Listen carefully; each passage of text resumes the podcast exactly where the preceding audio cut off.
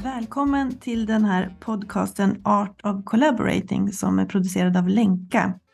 Eh, vi vill med den här podden sprida kunskap om samverkan som arbetssätt eftersom vi ser att samverkan är ett så viktigt sätt att ta oss an eh, olika samhällsfrågor.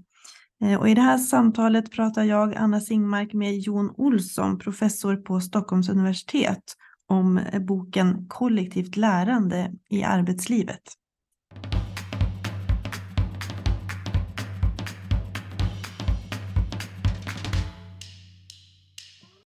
Ja, men eh, vad kul att få prata med dig, eh, Jon Olsson, i den här podden.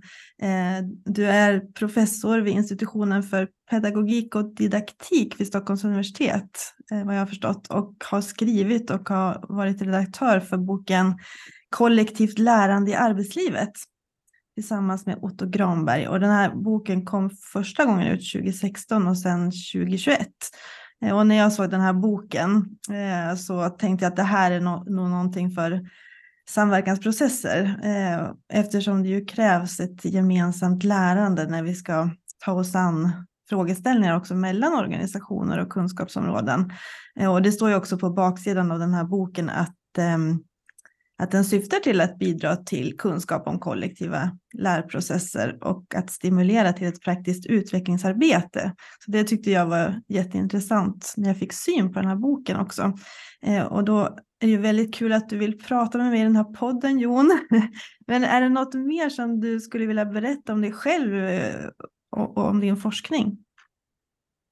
Innan... Ja, jag får börja med att tacka så mycket. Det var en jättefin introduktion tycker jag. Och eh, Jo, det är sant. Jag är professor i pedagogik då och eh, vår institution där jag jobbar vid heter Institutionen för pedagogik och didaktik vid Stockholms universitet. Och min forskargrupp och den forskning som jag bedriver handlar om det vi kallar för organisationspedagogik. Det är alltså en pedagogisk eh, forskningsinriktning som uppmärksammar vuxna människor i arbete. Det handlar väldigt mycket om hur man kan organisera verksamheter för att främja människors lärande och kunna se människor som resurser för organisationens utveckling också. Och just det du nämner om det här med kollektivt lärande har ju varit en väldigt viktig inriktning inom den forskningen. Jag själv disputerade ju redan Eh, 1996 med en avhandling just med den här benämningen kollektivt lärande. Så att jag har hållit på i många år med sån här forskning och så. Ja, det lät ju väldigt fint det du sa också där att ta tillvara människors resurser. Det, det var ju väldigt fint. Men, men bara mm, vad var det som intresserade dig för de här frågorna från början? Eller varför tyckte du det var så intressant med det här med kollektivt lärande? Ja, kanske framför allt kan man säga att jag hade utgångspunkt i hur arbetslag eller det vi idag vanligen kallar för team i organisationer så eh, var jag intresserad av hur kan det komma sig att vissa lag fungerar väldigt bra och, och lyckas prestera tillsammans på ett väldigt bra sätt mm. medan andra inte gör det? Och, och självklart finns det en massa eh, olika socialpsykologiska processer som kan förklara en stor del av gruppers och lags prestationer. Men det handlar också väldigt mycket om just en lärpotential, alltså en potential att lära och utveckla kompetens. Och den potentialen eh, tas tillvara på väldigt olika sätt skulle jag säga i team. Och eh, det var väl det som var mitt inledande intresse för sådana här frågor. Och mm. jag lyckades ju visa där att lag som ingår i gemensamma reflektionsprocesser bygger upp mer av gemensam förståelse och kollektiv kompetens att utföra sitt arbete. Ja. Eh, och, och det blev en Eh, en viktig sak som sen på olika sätt har bekräftats både i svenska och internationella studier. Då.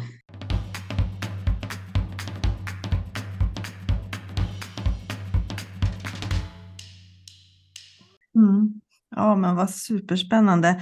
Jag tänkte bara, vi brukar ofta checka in på de här samtalen, eh, till exempel kring frågan, ja, men vad tycker du ska bli intressant med att eh, ha det här samtalet?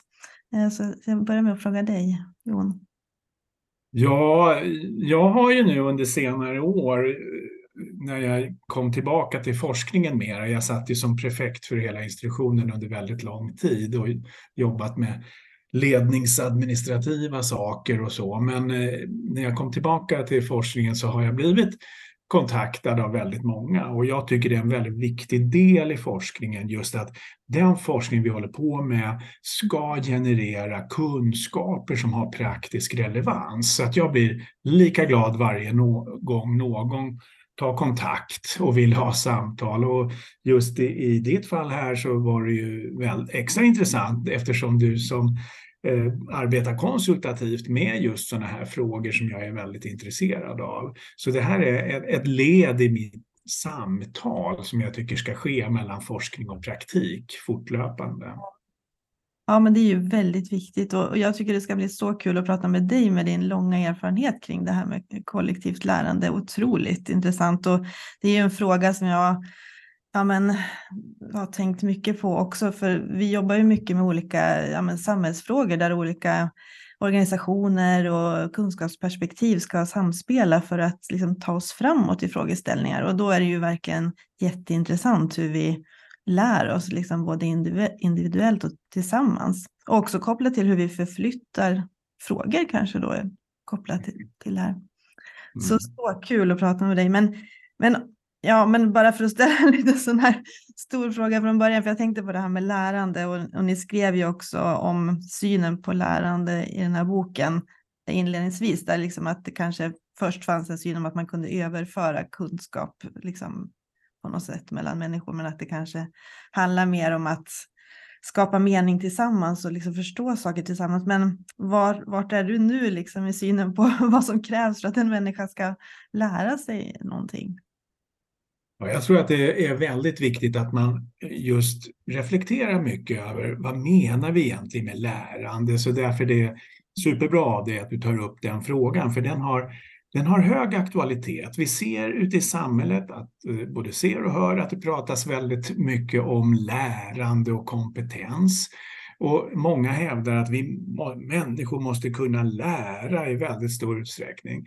Men tyvärr så är väl den lite dystra verklighetsbilden att under 2000-talets inledande decennier så har egentligen väldigt många arbeten gått över till att bli väldigt instrumentellt styrda.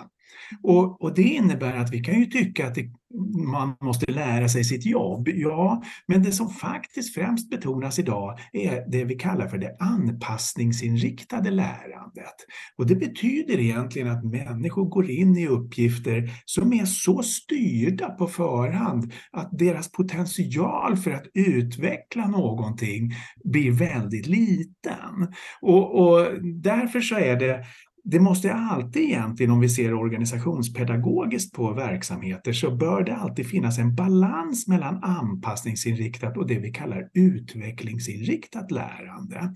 Och utvecklingsinriktat lärande innebär att vi måste utveckla vår tankeförmåga för att lösa olika typer av problem och utmaningar som vi möter i arbetet. Så det är en väldigt vad ska man säga, kvalitativ skillnad mellan anpassningsinriktat och utvecklingsinriktat lärande. Och därför så är det en tråkig utveckling i många verksamheter idag i, i arbetslivet, både i Sverige och internationellt att det så kraftigt betonas det anpassningsinriktade. För det, det innebär att väldigt många verksamheter idag styrs med detaljerade manualer och skapar minimalt med utrymme för människor att påverka. Mm. Och det här är, det är olyckligt. Va? Samtidigt ser vi att det finns vissa, men ganska liten sett till totalmängden arbeten, som däremot går i den motsatta riktningen, som kräver väldigt hög grad av utveckling hos medarbetare och chefer. Men det blir ju då en väldigt liten del på hela arbetsmarknaden. Så vi kan säga att vi ser en slags segregation av arbetsmarknaden på liknande sätt som i bostadsmarknaden. faktiskt. Det är jätteintressant för jag tänker på alla de här samhällsfrågorna som vi har att hantera och vi är ju inne i väldigt många ja, men, komplexa samhällsfrågor och samhällsutmaningar. Då, kan, då blir man ju lite oroad att höra också som du säger att, att det är så lite utrymme för det utvecklingsorienterade lärandet. För man kan ju bara tänka sig att det, det är det som krävs också i många frågeställningar, oavsett om man jobbar i offentligheten eller i ett företag eller i ideell sektor eller vad det nu handlar om. Ja, jag, tycker mycket om din reflektion för att det, det handlar om att vi måste egentligen hela tiden jobba på att människor får möjlighet att utveckla sin förmåga att problematisera, att kritiskt reflektera så att vi har en beredskap att hantera olika stora utmaningar som finns. Men tyvärr då det här väldigt manualstyrda samhället där vi förväntas bara följa vissa mallar och trycka på vissa knappar så att säga. Det skapar en sämre beredskap för oss att hantera saker som, som liksom kommer som överraskningar så att säga. Är det den här lite mer kortsiktiga effektivitetstanken då på något sätt som gör att vi håller på med det här anpassningsbara lärandet istället för det utvecklingsorienterade? Eller vad? Ja, ja, ja, men det tror jag. Alltså det där är oerhört komplexa fenomen som hänger ihop med dels eh, globaliseringen, en ökad konkurrens och så vidare, har lett till att många verksamheter går tillbaka till ett väldigt instrumentellt effektivitetsbegrepp. Mm. Det vi ibland kallar för inre effektivitet, det vill säga hur, hur effektivt hanterar, använder man sina resurser för att nå målet. Va? Mm. Medan man glömmer ofta bort de här yttre effektivitetsaspekterna, kvaliteten i det man verkligen arbetar med. Det mm. som kräver mer av utvecklingstänkande.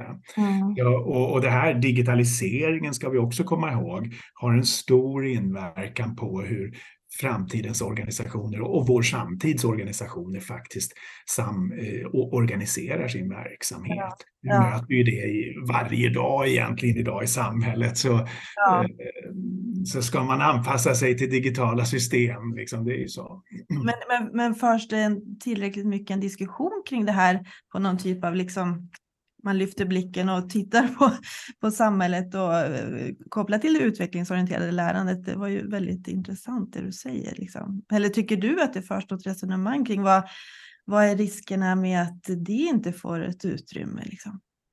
Eh, Sverige är inte ett land med särskilt mycket kritisk forskning eller kritisk debatt kring de här, den här utvecklingen.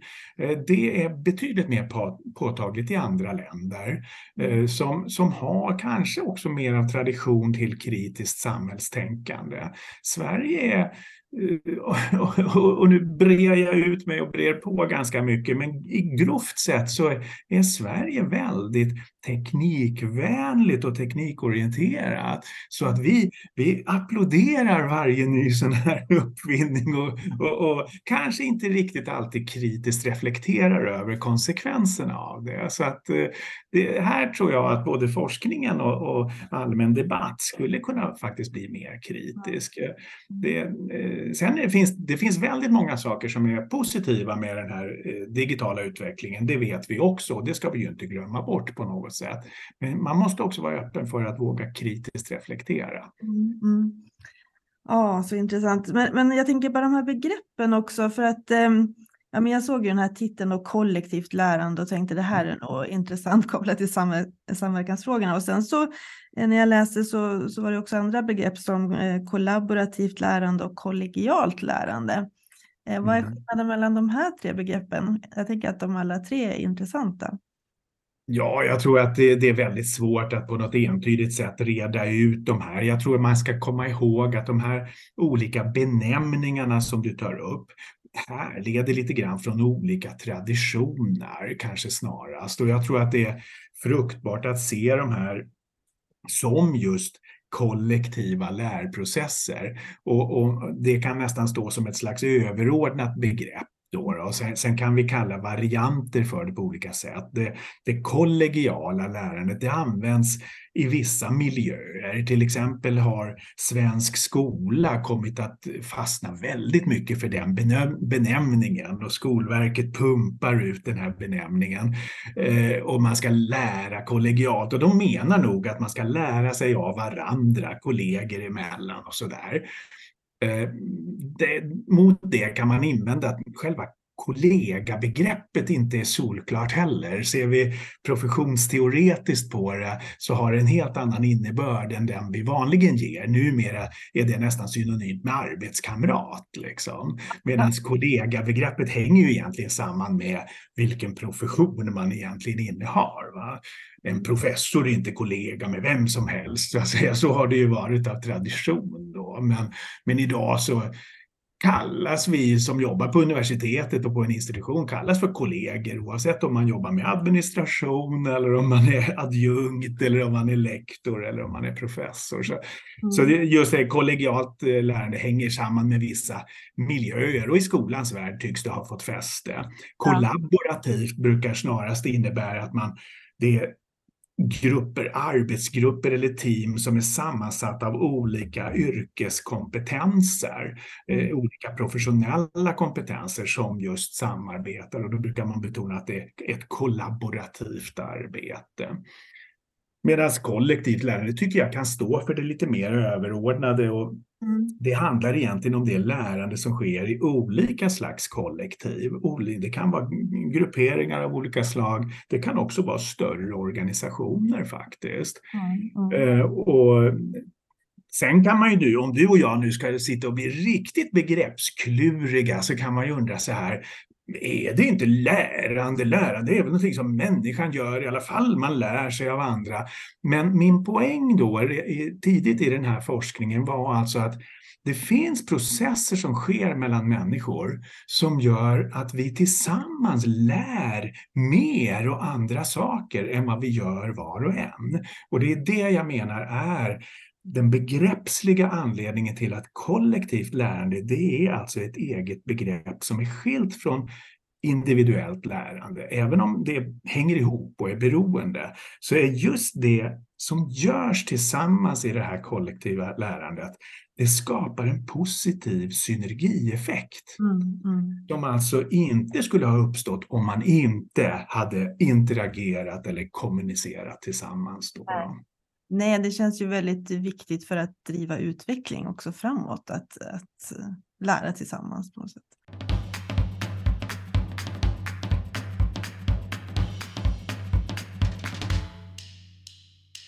Men, men vad tänker du, eller går det att säga, det blir ju väldigt liksom ytlig fråga kanske, men vad, vad tänker du är framgångsfaktorerna eller vad, vad liksom, finns det några saker som du ser, det här bidrar till ett kollektivt lärande? Ja, det finns jättemycket och jag är jätteglad att du tar upp den frågan för den är, man kan tycka då att nej men vänta nu, det, så kan man väl inte säga. Och, och då ska man komma ihåg så här, och det som är det viktigaste, det är att dels måste vi alltid se, när vi forskar om sånt här och ska göra konsultativa ingripanden så måste vi komma ihåg, det här är väldigt kontextuella företeelser, som är alltså bundna i, till ett visst, en viss typ av verksamhet, ett visst sammanhang som är där. Mm. Men det som vi kan säga då, det är just att man ska alltid tänka på att det måste finnas motiv för människor att vara tillsammans, att arbeta tillsammans och att lära tillsammans. Eh, jag har sett så många organisationer som konstruerar team, en teamorganisation på pappret. Mm. Fast egentligen har de inte ett arbete som kräver teamarbete. Och följden blir att medarbetarna de samarbetar inte alls särskilt mycket och ännu mindre lär de sig någonting av varandra. Så det, och där, sker, där kan vi inte heller förvänta oss att det ska ske något kollektivt lärande. Mm. Så när du tänker kring de här sakerna och du skulle vilja jobba med ja, sådana här utmaningar som ni själva jobbar med, att lyckas med någonting i samverkan, då måste de ingående aktörerna också se poängen med att göra det här. Annars kommer det att få en negativ inverkan på alla sådana här typer av processer. Det har du säkert egen alltså praktisk alltså, viljan och motivet och syftet. Mm. Mm. Mm. Det är oerhört viktigt. Och sen är det då, vad är det för verksamhet man håller på med? Vad är det för uppdrag? Vad är det för utmaning man ska göra? Kräver den verkligen gemensamma ansträngningar på ett visst sätt och så? Så att det eh, är väldigt mycket kring, kring sånt. Ja. Eh, och sen är det det. Sen, sen handlar det också väldigt mycket om relationella aspekter, hur människor då kan fungera tillsammans. Men det är ju sånt man ser först när man har börjat processa saker tillsammans. Och det där vet ju du minst lika mycket som jag om med din erfarenhet. Det gruppdynamiska så att säga, eller hur man spelar. Mm, mm, mm. Det, här med, det, det tycker vi också är så himla intressant när man då möts mellan ja, men när man ska mötas mellan olikheter eller olika logiker och olika organisationer och det kan ju vara mellan universitet och företag och offentlighet till exempel eller mellan olika vetenskapsdiscipliner. Eh, det känns ju som behovet bara ökar av att vi ska kunna mötas och interagera och, och ta del av varandras kunskap och klokskap i frågeställningar. Mm. Eh, ja, men för att få större liksom, perspektivbredd också kring frågorna.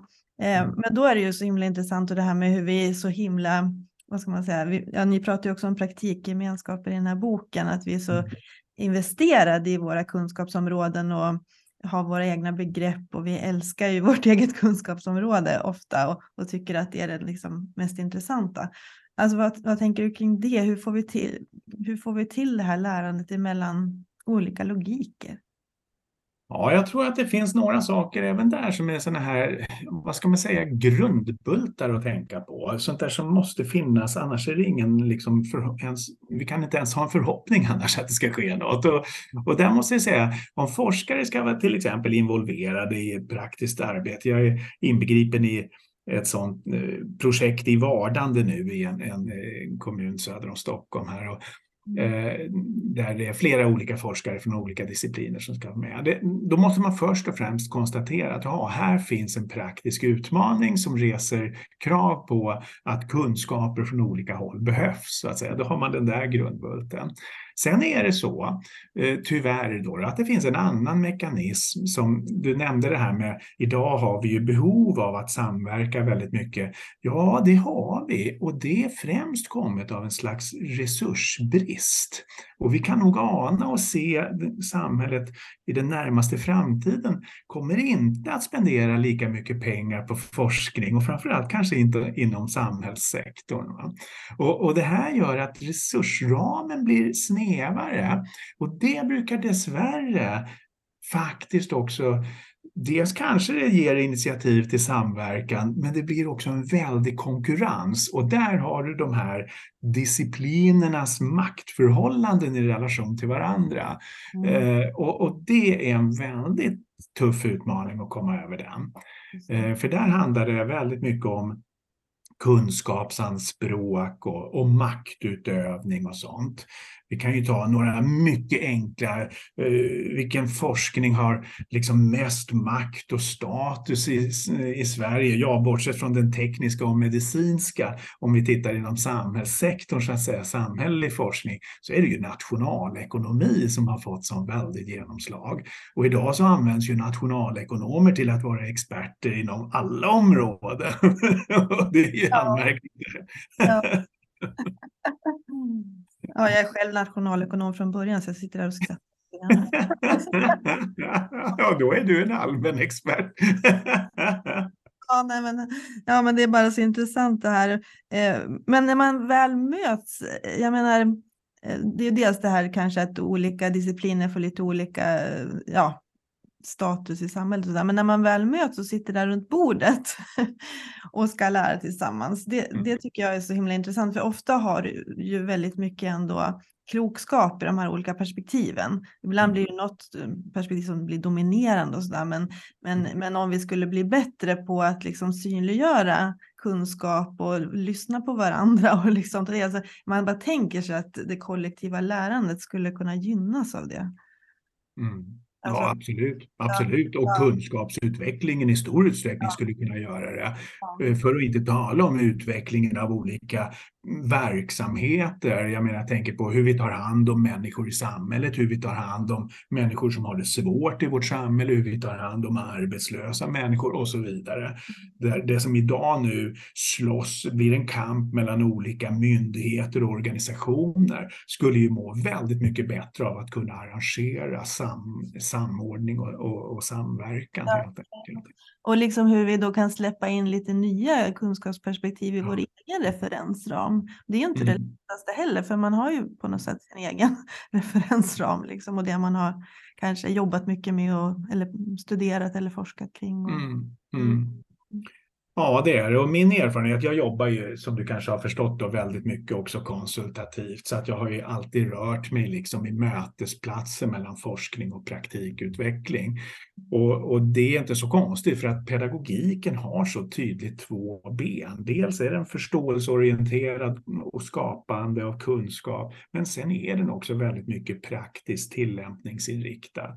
Och, och det betyder ju att jag ligger nära det här och det, har, det som vi håller på med har praktisk relevans och därmed också aktualitet i organisationer idag. Och det är inte alla discipliner, akademiska discipliner, som har den närheten. Så även där är det en lite, vad ska vi säga, karaktärsskillnad i olika ämnen. Då, då. Eh, och det som jag då lite ironiserande sa om nationalekonomin, den gör sig väldigt bred just genom sina metoder. Och då handlar det alltså om väldigt stora statistiska material där man gör mätningar och det har väldigt hög grad av relevans i väldigt många frågor, ger oss ofta en väldigt bra bild av olika utvecklinger. Men den har inte alls samma närhet till praktik och kan därmed inte vara stödjande i en viss kontext där man ska utveckla verksamheten. Det kan jag verkligen hålla med om. Mm. Därför jag successivt tog mig bort från fältet. ja.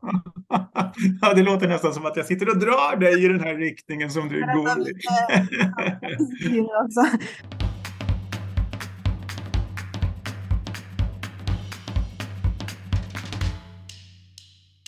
Du lyssnar på podcasten Art of Collaborating och vi hoppas att du tycker att det är intressant. Vi försöker ju sprida kunskap om hur vi kan stärka våra samverkansförmågor på olika sätt. Så förutom den här podcasten så har vi också utbildningar i samverkan och vi erbjuder rådgivning och processledning. Så om du är intresserad av att veta mer om det, gå in på www.lankaconsulting.se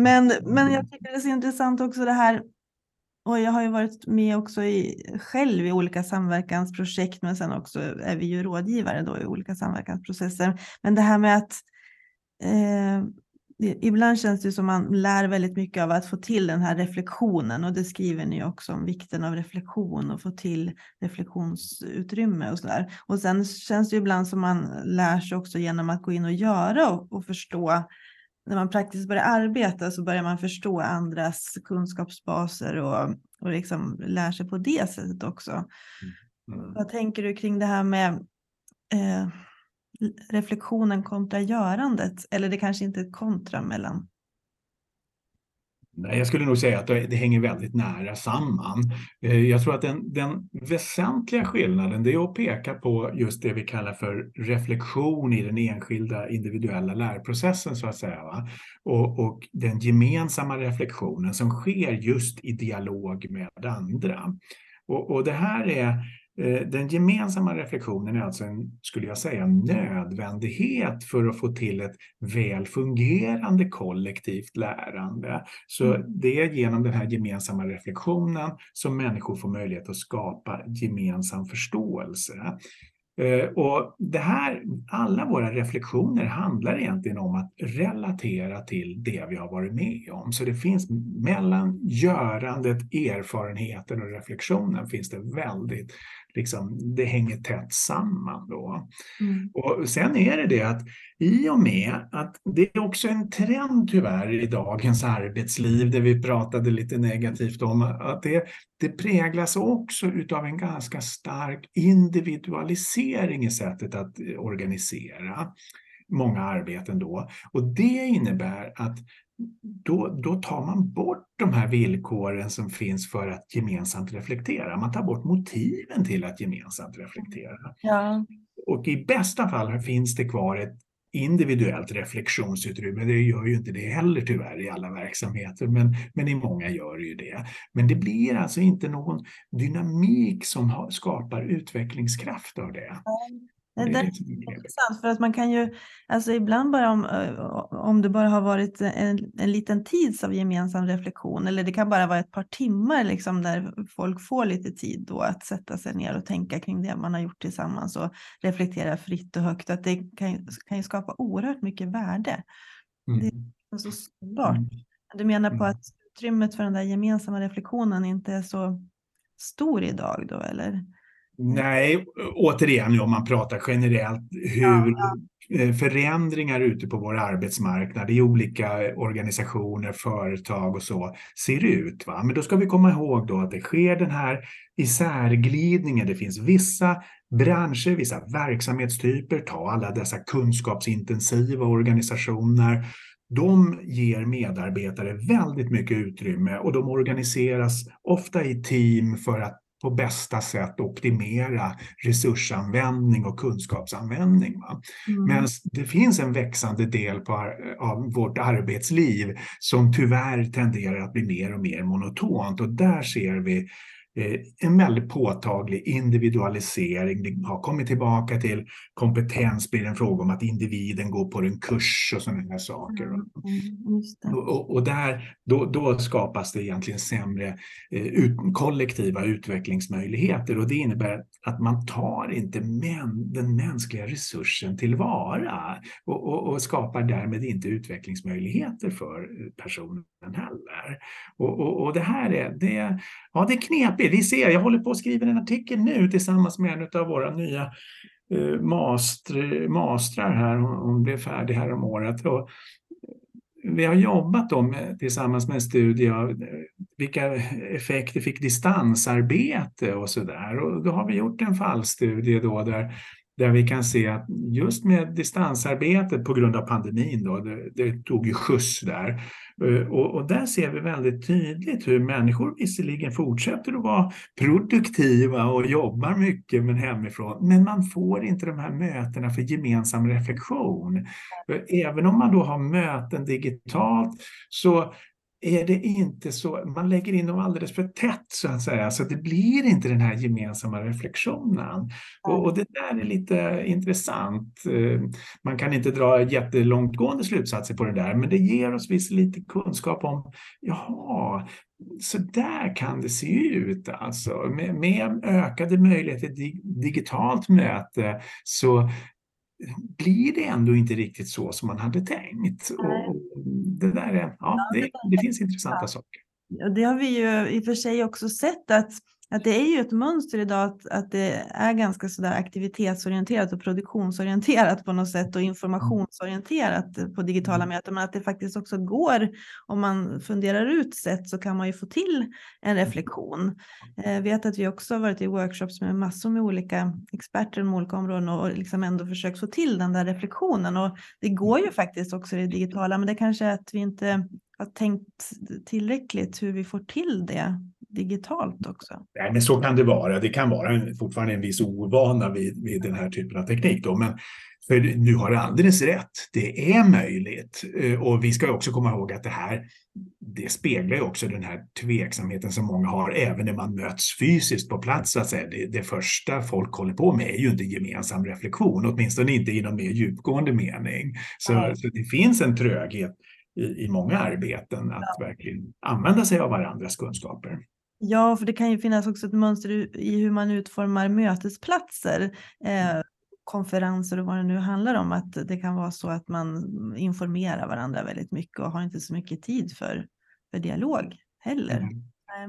Nej, men precis, och sen en sak som har, hänger ihop då med att vi individualiserar sättet att organisera mer och mer, det är faktiskt att vi förlorar perspektivet av att verksamheten är en gemensam angelägenhet.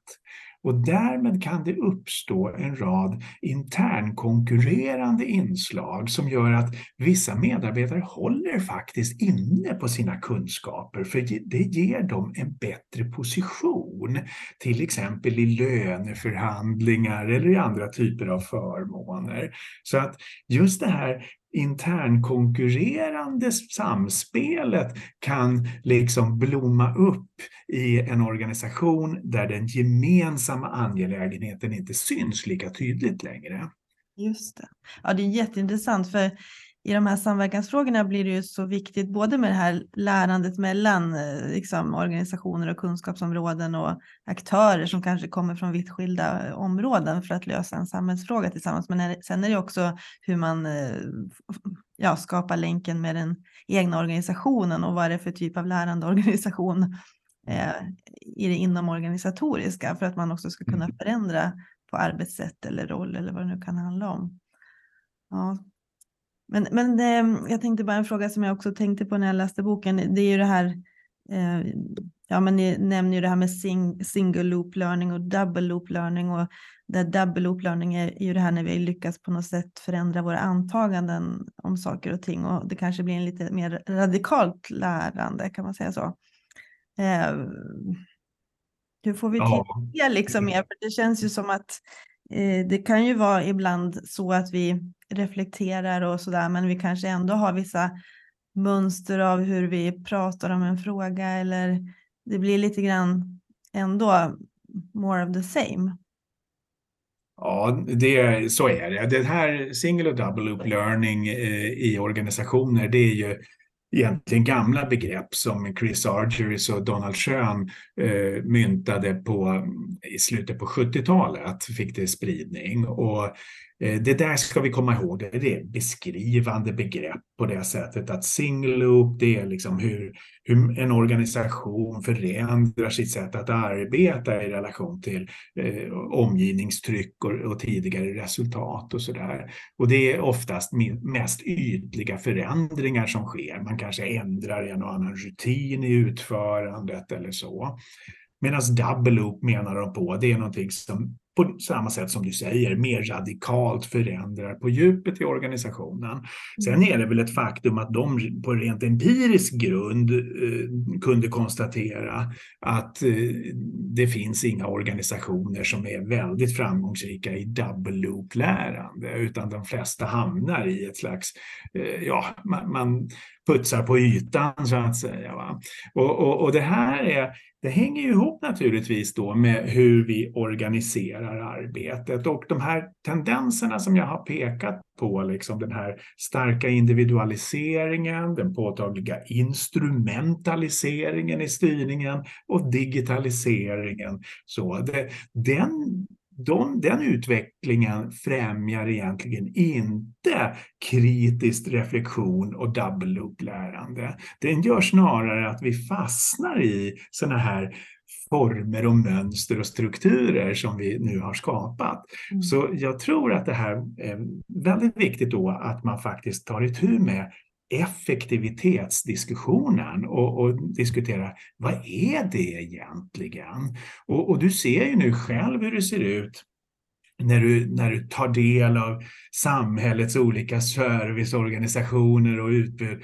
Allt oftare tillfrågas vi eh, i efterhand. Vad tyckte du om besöket hos oss? Och så ska man visa glada gubbar eller sura gubbar på några tryckknappar och så. Och det där är ju ganska fåfänga och triviala försök från organisationer att fånga upp hur ser kundnyttan ut? Det vill säga hur ser kvaliteten i utfallet ut i vår verksamhet? Och det är det vi kan kalla då för den yttre effektiviteten. Alltså hur effektiva är vi sett till hur god kvalitet får vi till egentligen? Och tyvärr så är väl de här måtten då som används med goa och glada gubbar, alltså de är ganska begränsade och icke-valida mått skulle man verkligen kunna säga som ja, forskare. Och sen i kombination med att man inte då får prata med någon människa. Nej, du har en poäng där. perspektiv får komma fram på, på kanske tjänsteutvecklingen eller i, i den frågan.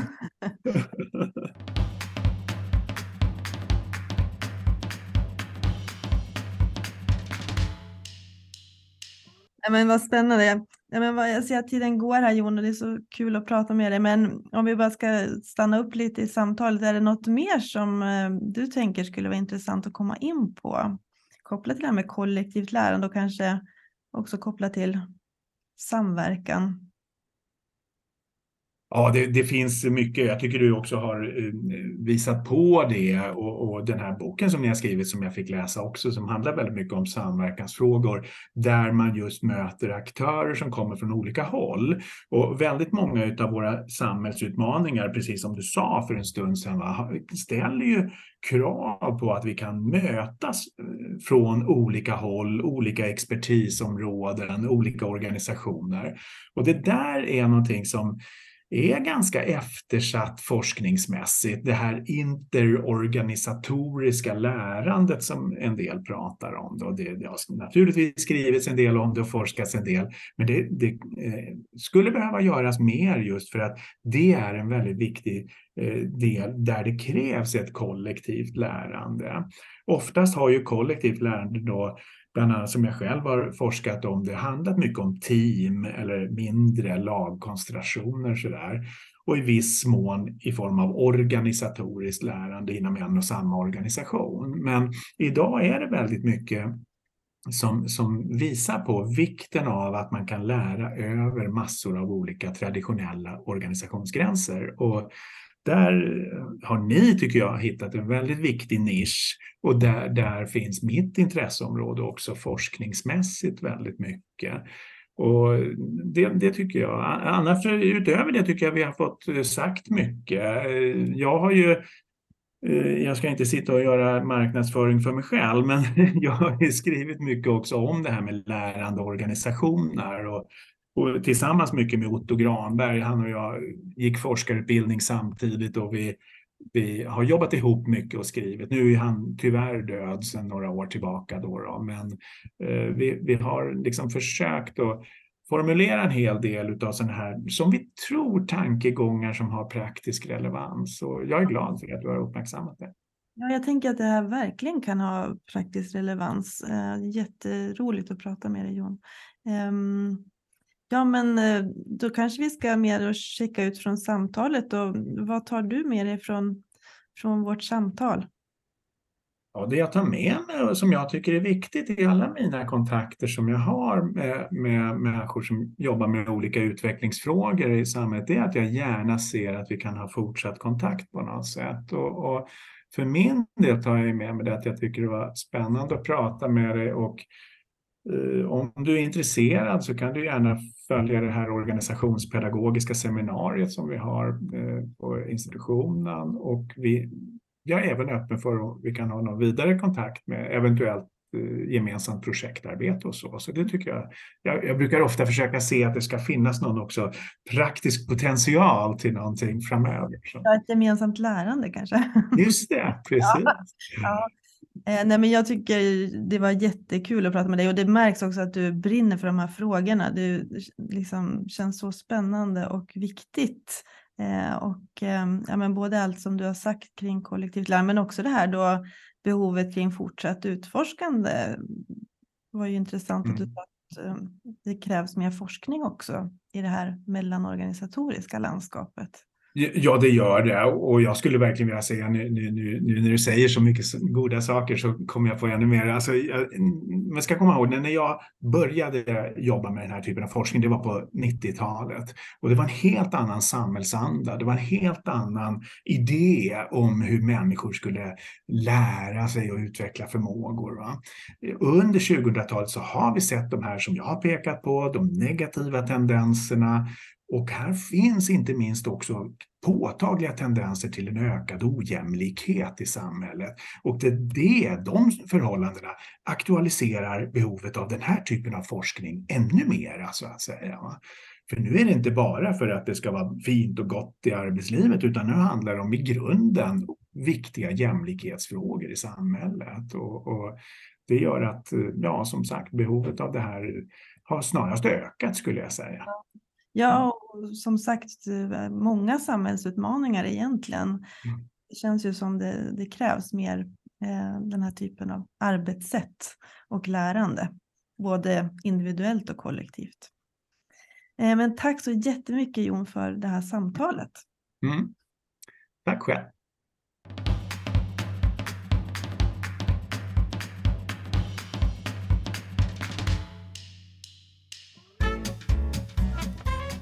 För att du har lyssnat på vår podd.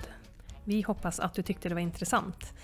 Om du är nyfiken på att veta mer om vad vi gör på Länka så kan du gå in på www.lankaconsulting.se och läsa mer om våra utbildningar, tjänster och publikationer.